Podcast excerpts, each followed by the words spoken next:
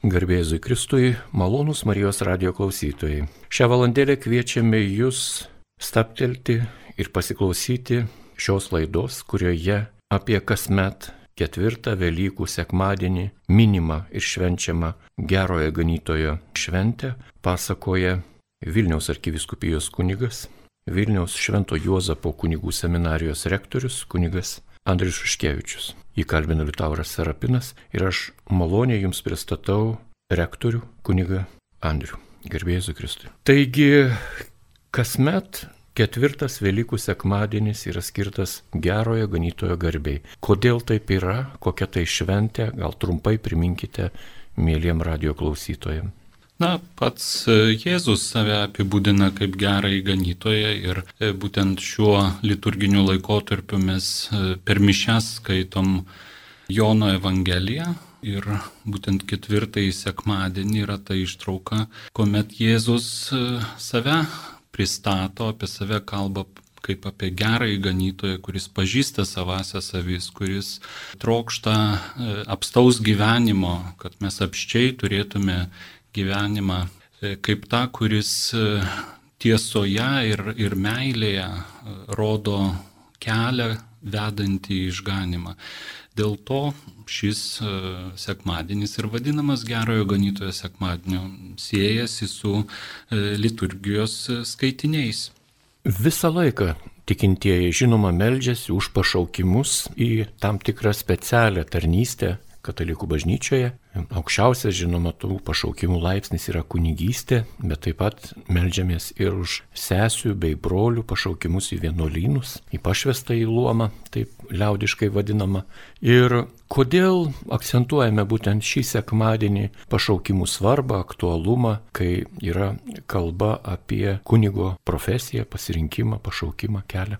Na, be abejo, kunigo pašaukimas yra didelė dovana bažnyčiai, taip pat Kristus norėjo, kad e, būtų žmonės veikiantis jo asmenyje, skelbtų jo žodį, neštų gerąją naujieną Dievo tautai. E, tačiau visi pašaukimai yra didingi, svarbus, ypatingi. Tai tame e, kontekste, ko gero, būtų svarbu paminėti, kad mes kiekvienas, kiekvienas esam pašaukti. Pirmiausia, gyvenimui, po to tikėjimui, šventumui pagaliau. Kiekvienas esam kviečiami e, siekti šventumo. Būkite šventi, nes e, dangiškasis tėvas mūsų yra šventas. Yra pašauktų šeimai, tėvystėj, motinystėj irgi didingas, ypatingas pašaukimas e, ir būtent einant e, savo pašaukimo kelių žmogus keliauja link išganimo. Tačiau kiekvienas iš mūsų turim savitą pašaukimą. Ne? Tai šalia pašaukimo į šeimą, į tėvystę, motinystę, yra taip pat pašaukimas pašvestam gyvenimui, yra pašaukimas kunigystėj, tarnystėj kitiems įvairiais būdais, ar charitatyviniai veikloje, ar vėlgi misijose, ir, ir pasauliečiai turi tokį pašaukimą, tai gausybė pašaukimų, kurie visi yra reikalingi ir visi yra Dievo dovana. Tai, tai Dievas parodo tą iniciatyvą, jis daro pirmą žingsnį, jis numato. Tačiau be abejo gerbė žmogaus laisvą pasirinkimą ir dėl to reikalingas žmogaus atsakas, žmogaus bendradarbiavimas, įsipareigojimas, na, toks drasus, ryštingas atsiliepimas į tą Dievo numatytą ir Dievo pasiūlytą gyvenimo kelią. Kunigystė be jokios abejonės e,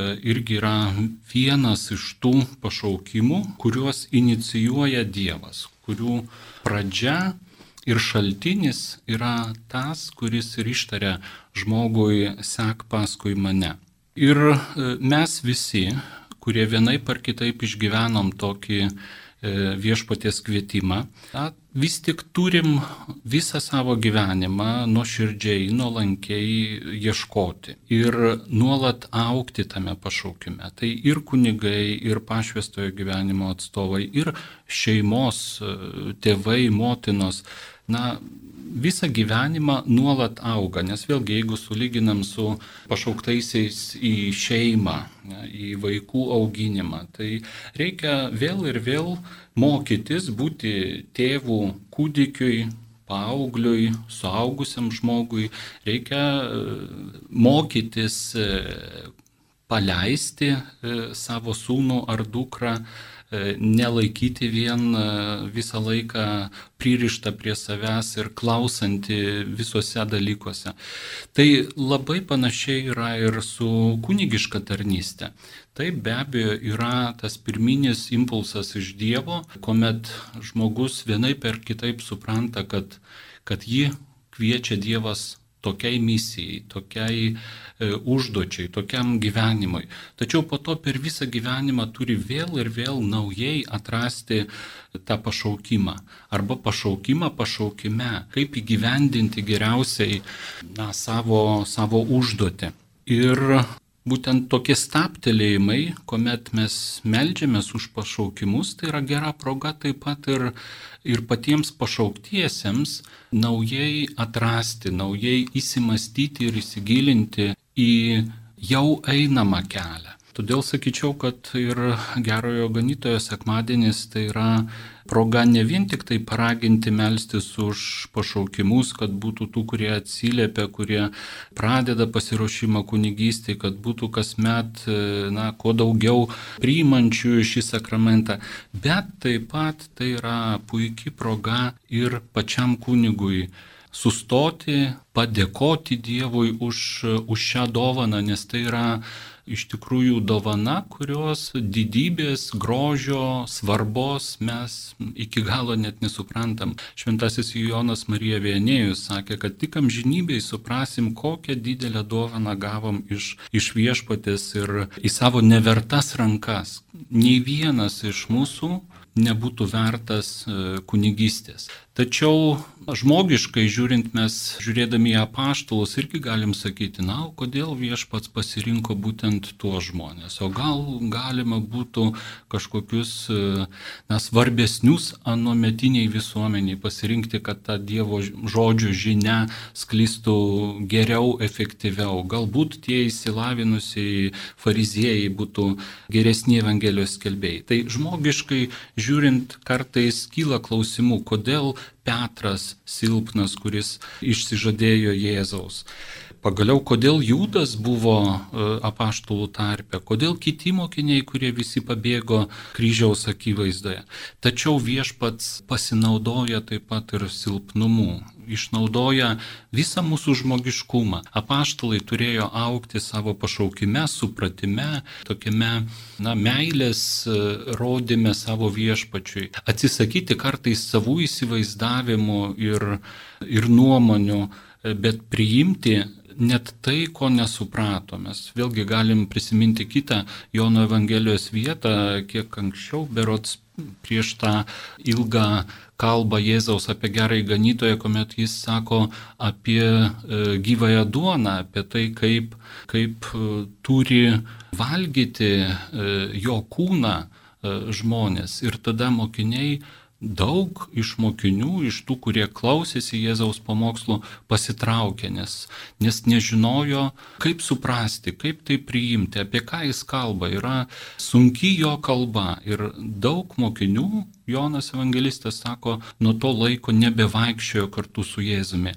O štai Petras atsako, viešpatė, pas ką mes eisime, tu turi amžinojo gyvenimo žodžius. Tai viena iš tų akimirkų, kuomet Petro lūpomis tie dvylika atsako, jog pasitikė, pasitikė Jėzaus žodžiu, pasitikė tuo, ką jis kalba. Ir tokių akimirkų e, yra paštulų gyvenime, bet taip pat ir šiuolaikinių kunigų yra apstu, kuomet e, kartais nesupranti Dievo valios, klausi, o kodėl taip, o ne kitaip. Bet esminis dalykas yra pasitikėti, tikėti tuo, kuris pakvietė. Ir jeigu jo iniciatyva buvo tokia, Jeigu jis ištarė tos žodžius sek paskui mane ir žmogus tos žodžius išgirdo, vienai per kitaip suprato, tai galim būti tikri, kad viešpats žino, ką daro. Mes kartais nelabai orientuojamės e, situacijai, bet viešpats tikrai žino, ką daro. Todėl, na, kunigystė yra dovana, bet visuomet lieka ir slėpinys. Tai yra labai gražus e, Jono Pauliaus antrojo apibrėžimas, E, kai jis kalbėjo apie kunigystę, apie savo kunigystę, e, sako, tai yra dovana ir slėpinys. Malonus Marijos radio klausytojai, šiandien laidoje jūs girdite pasakojimą apie gerojo ganytojo šventę ir šio minėjimo viena iš svarbiausių, sakykime, gaidų yra pašaukimai. Pašaukimai į kunigystės luomą, į vienuolynus ir kur kitur. Ir apie juos šiandien jums pasakoja Vilniaus Švento Juozapo kunigų seminarijos rektorius kunigas Andžiai Šuškevičiai. Jūs, gerbiamas kunigė Andžiai, jau minėjote apie tai, kad ta malda yra nepaprastas dalykas. Tai ryšys su Dievu, per kurį mes galime pajausti Dievo ir malonę, taip pat ir planą mūsų gyvenime. Kartai žmonės užduoda tokius neteisingus klausimus. Sako, kaip reikia melstis, kad būtų daugiau pašaukimų. Gal mes nemokame melstis, gal dar kažkaip. Dar. Man atrodo, kad tai yra labai panašu į gėlę. Jeigu mes įmetame gėlės sėklą į vazoną, apkaupiame žemę, palaistome ir ta gėlytė išauga ir paskui jos nelaistome ir tik pradedame laistyti tada, kada jinai jau meta lapus ir stimpa ir stebimės, o oh, gėlytė nebežydį. Tai taip ir su pašaukimais. Aš manau, jeigu vaikai šeimoje meldžiasi už pašaukimus, tai tie vaikai natūraliai ir tampa kunigais. Galbūt aš klystu. Kaip jūs pakomentuotumėt mano tokį, na, pasaulietišką įsiterpimą? Na, nebūtinai kiekvienas, kuris meldžiasi, kad pasaulyje būtų pašaukimų į kunigystę, kad bažnyčioje būtų pašaukimų į kunigystę, tampa kunigu. Ne, nebūtinai. Tačiau šita erdvė, šita terpė, šeima yra fundamentaliai svarbi pašaukimams. Ir jeigu mes kalbam apie tai, kad na, šiais laikais liūdna tokia tema. Šiais laikais e, vakarų Europoje pašaukimų mažėja, tų atsiliepiančių į pašaukimą kunigystėj mažėja. Tai viena iš tokių svarbiausių matyt priežasčių yra vis tik šeimų krizė, kad mes šeimose neretai esam praradę bendros maldos praktiką, bendro dalyvavimo šventuose mišiuose praktika, nes iš tikrųjų yra skaudžių tokių patirčių. Vilniaus Šventojo Jozapo kunigų seminarija yra šalia Kalvarijų bažnyčios, kurioje yra daug vaikų ateinančių ruoštis e, pirmai komunijai, bet ir kitose parapijose yra nemažai vaikų, kurie ateina į, e, į bažnyčią ar į parapijos namus ruoštis šiam sakramentui, pirmai komunijai, dalyvauja katechezėse, klauso pamokėlių, dalyvauja mišiuose, taip pat vaikų mišiuose, o kartais tenka matyti, kad vaikai mišiuose, o tėvai mašinoj, parkingė laukia, kada jų ar pamokėlė, ar, ar ypač na, šventosios mišios pasibaigs. Ką tai reiškia? Tai reiškia, kad nu, nėra to tokio įpročio arba poreikio kartu dalyvauti šiuose šventuose veiksmuose. O tai be jokios abejonės turi įtakos e, vėlesniems pasirinkimams.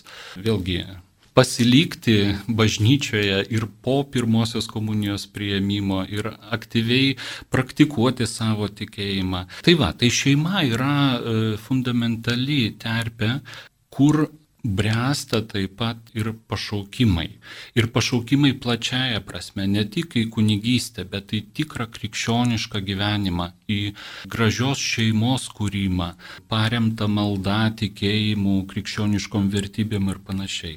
Tai šitie dalykai yra, yra tikrai susiję. Ir mes kaip, kaip bažnyčia, kaip Dievo tauta, kuriai rūpi pati bažnyčia, jos ateitis rūpi, kad tikėjimas klestėtų, žydėtų, kad, kad būtų e, daugiau gėrio, mažiau blogio, daugiau darybės, mažiau nuodėmio. na, turim žiūrėti į tuos dalykus kompleksiškai, kad viskas turi savo pasiekmes. Ir jeigu vienoj srityje aš kažkur tai leidžiu savo kažko, e, na, į kažką mažiau rimtai žiūrėti, na tai tai atsilieps ir kitoj srity. O malda yra tikrai svarbus dalykas, kuris augina, kuris e, per maldą tikrai žmogus patiria dieviškus įkvėpimus, Dievas beldžiasi į žmogaus širdį ir jeigu ta malda tampa įpročiu, na, gerąją prasme įpročių, kasdienių, reguliarių, nuoširdžių tokių mm, laikų, tuomet ir visi kiti sunkumai, iššūkiai, problemos, kurios nedingsta, bet e, visa tai tampa, na, tokiais e, momentais, kuomet esu sustiprintas maldos, Dievo galios, Dievo malonės ir pagalbos. Kai kreipiuosi į jį, ieškau jame pagalbos, atramos pagaliau, supratimo, tai vienai par kitaip Dievas leidžia patirti tuos atsakymus ir, ir savo pagalbą. Ir tai yra taip pat ir šitoj pašaukimų srity, kai vaikas nuo mažų dienų mato besimeldžiančius tėvus, kai kartu su jais eina į bažnyčią ir ne vien tik tai retkarčiais, bet reguliariai. Tai jau nuo mažų dienų jis suvokia, kad tai yra svarbu, kad tai jam tampa sava. Ir, ir be abejo, Dievas turi daugiau galimybių, jeigu taip galima pasakyti, prabilti į to žmogaus vaiko, po to paauglio, suaugusio žmogaus širdį. E, žmogus e, yra jautresnis tiems Dievo ženklams. O Dievas nenustoja kalbėjęs, Dievas e, visuomet bando prabilti į žmogaus širdį, tik problema būna, kad mes dažnai esam pernelik, na, pernelik nejautrus šitiems Dievo ženklams. O tas jautrumas, jis įgaunamas nestaiga. Nors aišku, Dievui nėra negalimų dalykų. Tai į, į Saulių, kuris tapo Pauliumi, tautų apaštalų, Dievas prabilo staiga ir, ir tas atsivertimas įvyko akimirksniu. Tai būna ir tokių momentų, kad Dievas e, pažadina žmogų netikėtai, nelauktai. Tačiau įprastas tas jo veikimo būdas yra būtent palengva, kai žmogus tarsi pats atranda dalykus. O tam reikia įdirbio, tam reikia tokių įsipareigojimo, reikia pastangų iš savo pusės, o ta reguliari malda, nuoširdi malda, ji be jokios abejonės reikalauja pastangų, nes nėra taip, kad, kad visą laiką yra malonu, visą laiką yra kažkokie nušvitimai ir panašiai, o žmonės neretai taip sako, kad aš melžiuosi tuomet, kai mano širdis gėda, tuomet, kai man gera, tuomet, kai, kai man reikia melžiuosi. Nu tai va, vėlgi toks, toks egocentrinis žvilgsnis net ir į maldą. Bet e, malda yra įsipareigojimas, tai yra bendravimas. Vėlgi mes su žmonėmis bendraujam ne tik tuomet, kai malonu, kai gera, kai gražius žodžius sako, bet, bet taip pat ir įsipareigojimas bendrauti, išsakyti savo širdį, savo poreikius pagaliau. Tai labai panašu, aišku, lygis yra visai kitoks, na, dvasinis lygis, bet tai yra labai panašu ir bendravimui su Dievu. Nėra taip, kad malda yra tik tuo met, kai gera, kai širdis gėda arba kai yra e, širdies poreikis, bet tai yra įsipareigojimas, įsiklausimas į, į Dievo veikimą mano konkretybėje, mano gyvenime. Ir jeigu tai tampa įpročiu, tuomet Dievui tikrai yra lengviau pramušti tą mūsų kurtumą, tą mūsų užsidarimą savo problemose, savo e, bėgiojime, savo, savo reikaluose bet e, išgirsti, išgirsti, ką viešpats sako. Tęsime laidą ir šiandien apie ketvirtąjį Velykų sekmadienį, jo intenciją skirtą gerojo ganytojo garbiai bei maldai už pašaukimus pasakoja ir ragina, žinoma, Vilniaus Šventojo Juozapo kunigų seminarijos rektorius kunigas Andžiai Šuškevičiai. Tęsiant kalbą apie pašaukimus, norisi užduoti ir tokį truputį iš kitos pusės klausimą. Ar pakankama yra Lietuvoje kunigų? Ar jų užtenka o gal jų yra per daug. Kokia padėtis skirtingi miestai, skirtingi kraštai, skirtingai ir išgyvena šią aktualiją. Vilniaus krašte reikia kunigų mokančių ir lietuvių kalbą, ir lenkų kalbą, ir rusų kalbą, ir galbūt net anglų kalbą, laisvai kalbančius. Šitoje vietoje didžiausias komplimentas jums, kunigė. Jūsų lietuvių kalba yra puikiai tiesiog puikiai. Dirba ten dviejų etatų. Į pensiją turėtumėte išeiti gerokai anksčiau, nes aptarnaujate dvigubai vis. Kartą tą pasakiau vienam kunigui iš Vilniaus, jis taip nustebo ir sako, iš tikrųjų mesgi dirbam dvigubai daugiau negu, pavyzdžiui, Klaipėdoje arba Kaune. Jie ten lietuviškai tik paukoja šventą mišio auką, sekmaninį vieną, du kartus, nu tris, o mes tai ir keturis, ir penkis, ir dviem kalbom, ir trim. Taigi, kokia padėtis su kunigais Lietuvoje? Ar jų užtenka?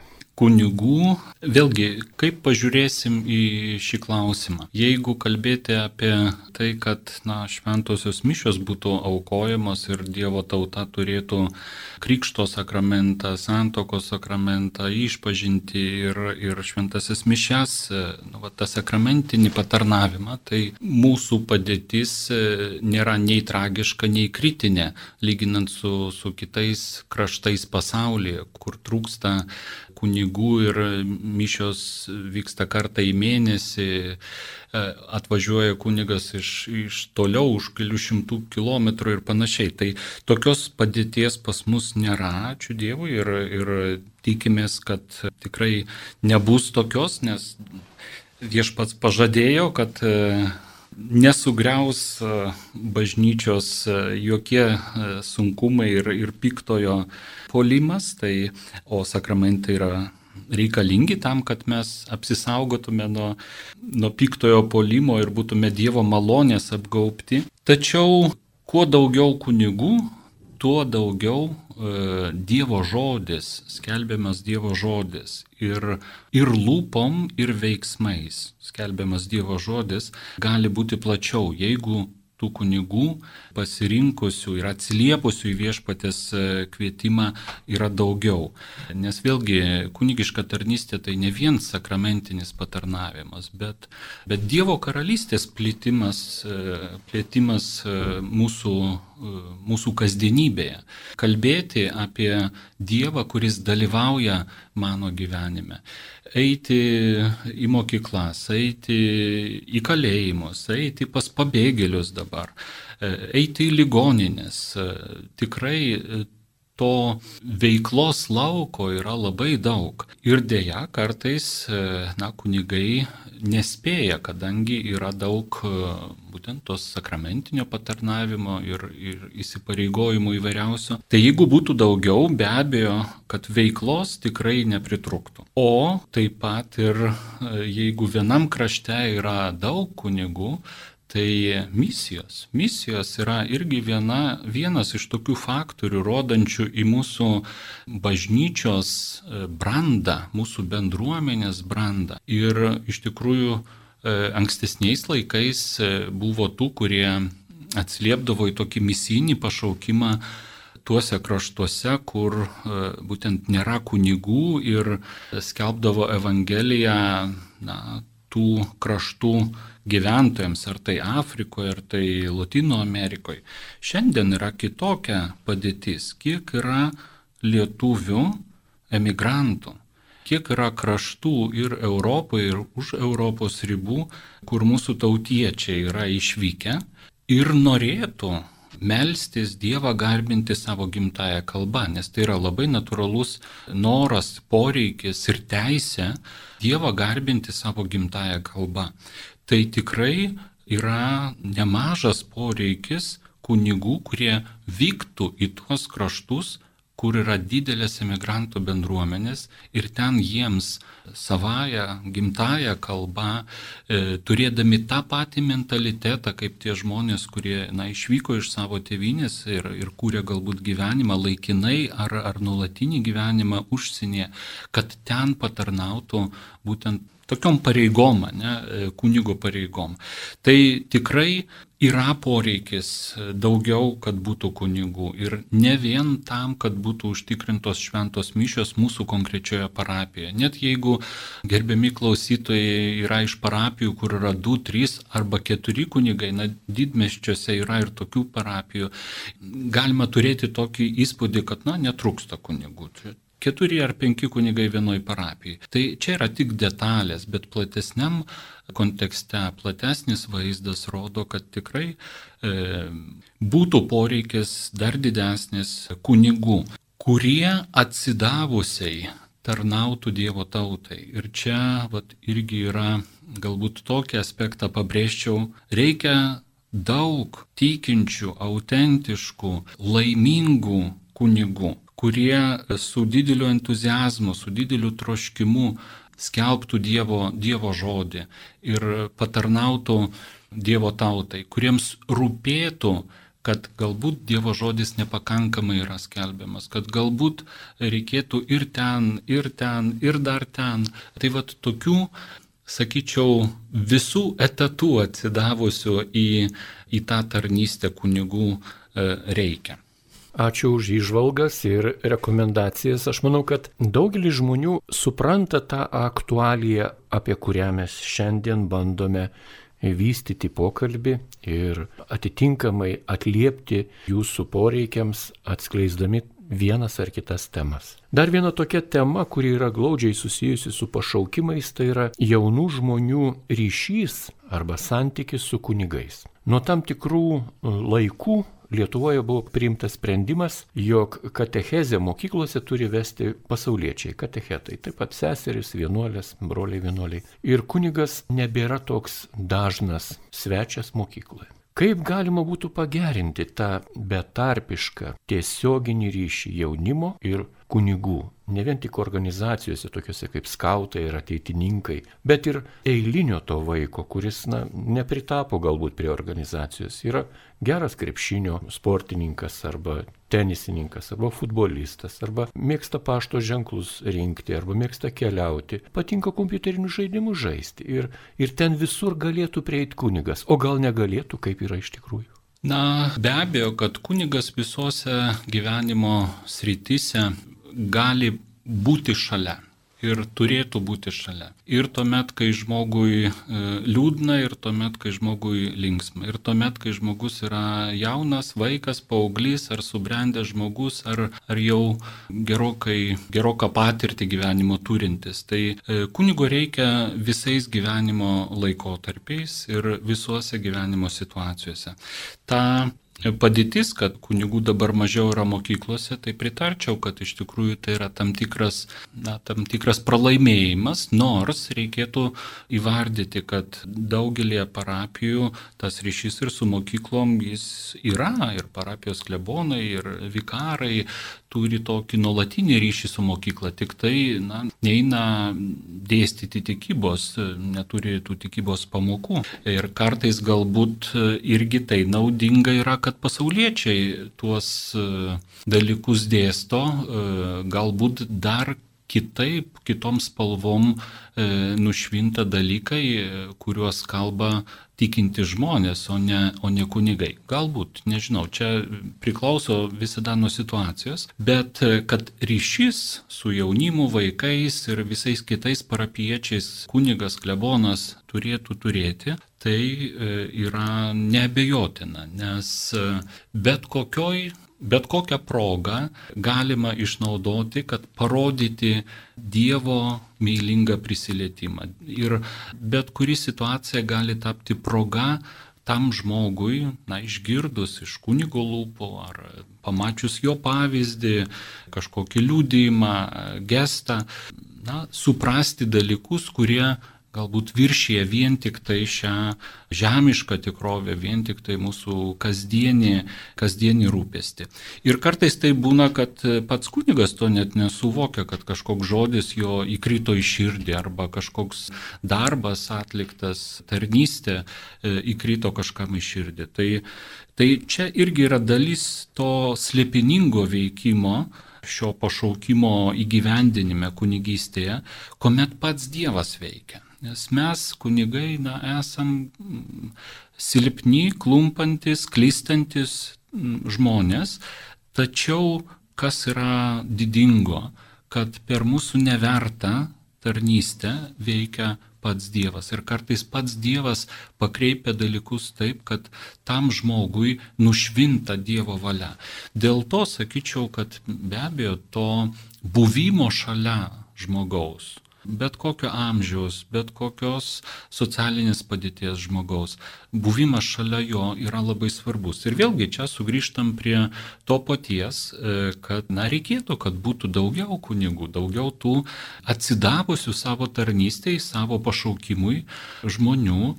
Ir tai įtakos, kad mūsų, mūsų kaip Dievo tautos, kaip bažnyčios, kaip tikinčiųjų bendruomenės gyvenimas taps gyvybingesnis, e, taps, e, na, gerąją prasme pripildytas, sodresnis. Tai va, todėl tikrai prašykim Dievo, melskim jo, kad jis šauktų naujus darbininkus, atsidavusius, tikinčius darbininkus į savo vynoginą ir kviesdamas duotų drąsos, nes tas irgi labai svarbu, ką jau minėjau pradžioje, kad visuomet pašaukimas yra Dievo iniciatyva, bet neįvyksta e, be žmogaus bendradarbiavimo, be žmogaus atsiliepimo ir tai, e, ko gero, yra didžiausias pavojus, kad žmogus, kuris yra pakvestas, kuris yra pašauktas e, tokiam gyvenimo būdui, tokiam keliui, bet nedrįsta atsiliepti, abejoja, atidėlioja ir panašiai. Tai tokio ryštingumo, drąsos pasitikėti viešpačiu reikia. Ir jeigu mūsų kaip e, tikinčiųjų bendruomenės, va, tas įsipareigojimas e, maldos įsipareigojimas, autentiškai krikščioniško gyvenimo įsipareigojimas bus didelis, tuomet ir tų pašaukimų tikrai natūraliai daugės, o daugėjant pašaukimų ir tų atsidavusių žmonių, kurie tarnauja, daugės Dievo žodžio skelbimo, daugės tų vietų, institucijų ir situacijų, kur kunigas bus šalia. Kartais net galbūt ir žodžio nereikia, tas buvimas šalia, jis jau taip pat yra svarbus ir, ir, ir neša vaisių dažnai. Norėtųsi dar daug užduoti klausimų ir dėja laikas jau šios laidos labai sutrumpėjo, liko tik trys geros minutės ir visko galbūt ir neapriepėm šioje laidoje, nesugebėjau jums, gerbiamas kunigė Andžiai, užduoti jums tinkamai klausimus galbūt jūsų pačio išvalga būtent gerojo ganytojo kontekste. Ką jūs patartumėte? Tiesiog be klausimų. Kartais geriau pavyksta, kai yra neužduodamas siaurin varantis klausimas. Be klausimo, gerojo ganytojo intencija, tas sekmadienis. Ką jūs patartumėte mums, tikintiems žmonėms ir kurie ateinam į bažnyčią ir tiems, kurie tik per Marijos radio girdime automobiliuose, bet į bažnyčią neiname, nevaikštome. Ir tiems, kurie neturi jokio ryšio su bažnyčia, bet jų yra daug ir jie taip pat yra Dievo kūriniai, Dievo mylėti, norėti. Jūsų išvalga. Aš sakyčiau, būtent vienas sakinys iš, iš Evangelijos, būtent iš šios ištraukos. Jėzus trokšta, kad mes apščiai turėtume gyvenimą. Ir mes dažnai tą religinį gyvenimą, tikėjimą susiaurinam ir netgi klaidingai interpretuojam kaip kažkokį suvaržymą, kaip kažkokį atsisakymą kažko. Ir ypač kunigystė dažnai yra pristatoma kaip gyvenimo kelias, kuriame būtina daug ko atsisakyti na, šeimos atsisakyti, būtina pasižadėti klusnumą vyskupui ir pačiam nespręsti, kur tarnauti ir, ir panašiai. Būtent per tą prizmę yra žiūrima į pašaukimą, į tikinčiojo gyvenimą, kad pat, įsižadėti, apriboti ir panašiai. Bet visa tai yra tik tai dalis, kuri yra nesuvokiama teisingai, nesuprantama teisingai, jeigu neimam visumos. O visuma yra ta, kad viešpats trokšta kiekvienam iš mūsų, kad turėtume apščiai gyvenimo. Ir jeigu atsiliepiam į mūsų konkretų pašaukimą, kuris yra Dievo numatytas, Be abejo, kad turim kai ko atsižadėti. Čia panašiai kaip ir, kaip ir šeimos gyvenime. Kažkas sukurdamas šeimą su, su vienu žmogum, tuo pačiu atsisako daugelio kitų. Su daugeliu kitų jis neturės tokio na, artimo, intimaus ryšio, kaip su savo žmona, vyru, vaikais ir panašiai. Tai lygiai tas pats ir čia. Be abejo, tas atsisakymo akcentas yra, bet jis įvyksta dėl pasirinkimo.